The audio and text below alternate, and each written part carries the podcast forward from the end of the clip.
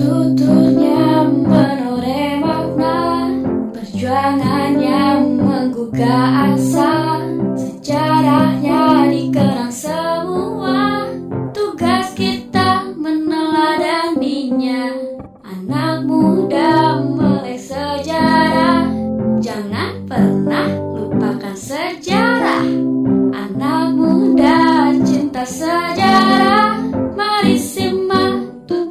sejarah Halo sahabat edukasi, kita jumpa lagi dalam program Tutur Sejarah. Sahabat edukasi masih dari Pulau Sumatera setelah Aceh. Sekarang kita pindah ke Sumatera Utara. Pada episode kali ini kita akan mengulas tentang Danau Toba. Danau terluas di Asia Tenggara. Salah satu yang terindah di Indonesia.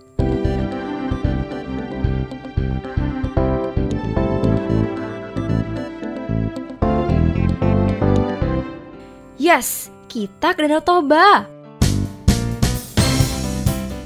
Wow, aku senang sekali. Sudah lama ingin ke sana.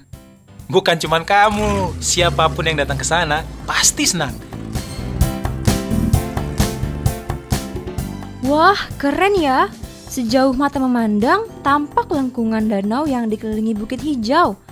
Itu kalau dilihat dari kejauhan. Beda lagi loh kalau kita melihatnya dari dekat. Maksud kakak? Maksudku, dengerin aja deh melalui fragmen singkat berikut ini.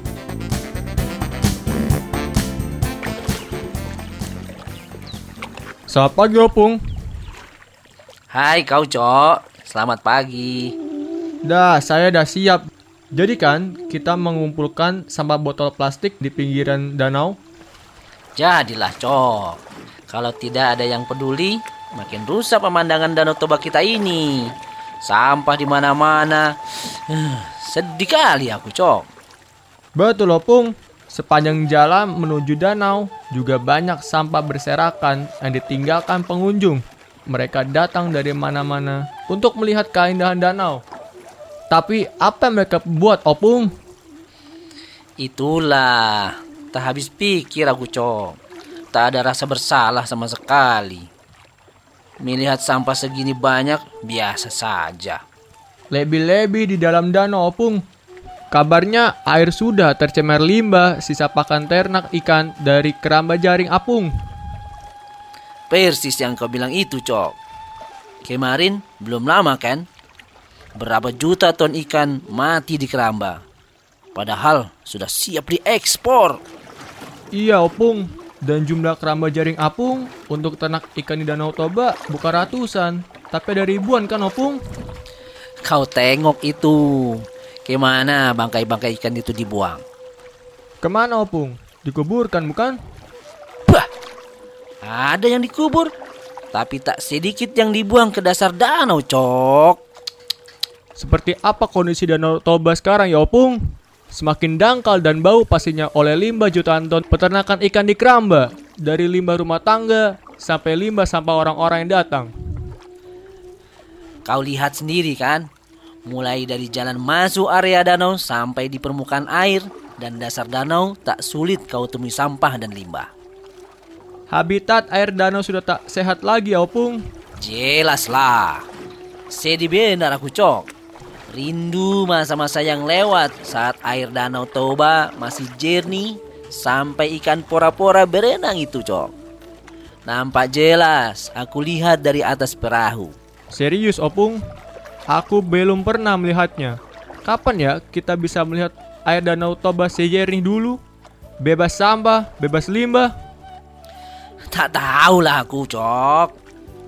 Ayo kita sisir lagi sampah-sampah ini cok. Ayo, Opung. Huh, baru sebentar dibersihkan sudah ada orang buang sampah sembarangan lagi. Awas ku kejar kau. Sudahlah cok. Tak perlu dilayani.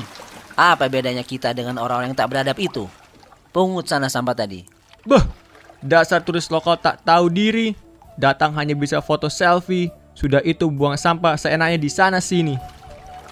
Itulah kalau orang sudah tak pakai hati. Tak akan peduli. Iya, Opung.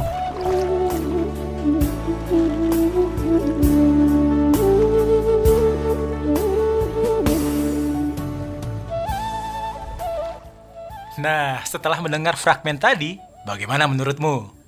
Wah, ini sih tragis. Iya, betul. Kalau dibiarkan, bisa sekarat nanti. Padahal, Danau Toba sudah dinobatkan menjadi kawasan strategis pariwisata nasional loh. Oh iya kak, kemarin aku baca di koran online, Wakil Bupati Toba Samosir mengatakan bahwa tinggi permukaan Danau Toba sudah turun sekitar 2-2,5 meter akibat pencemaran lingkungan. Nah kan, berarti cocok kata si Ucok dan Opung tadi kan? Wah, memalukan sekali ya sikap acuh bangsa kita sendiri terhadap budaya nyampah. Untungnya Pemda setempat sigap. Pemerintah Kabupaten Toba Samosir kini mulai berupaya mengembalikan fungsi Danau Toba. Menurut Menteri Lingkungan Hidup, kebanyakan sampah di Danau Toba sulit didaur ulang. Paling banyak adalah sampah dari para peternak ikan. Ada 262 ton sampah perharinya yang dibuang ke Danau Toba. Bayangkan betapa baunya. Ya, katanya sih sampahnya mau dikeruk menggunakan alat khusus dari Kementerian Lingkungan Hidup. Wah, bagus dong kalau begitu. Berarti sudah ada perhatian dari pemerintah pusat maupun pemerintah daerah setempat. Semoga berhasil ya teman-teman programnya. Amin.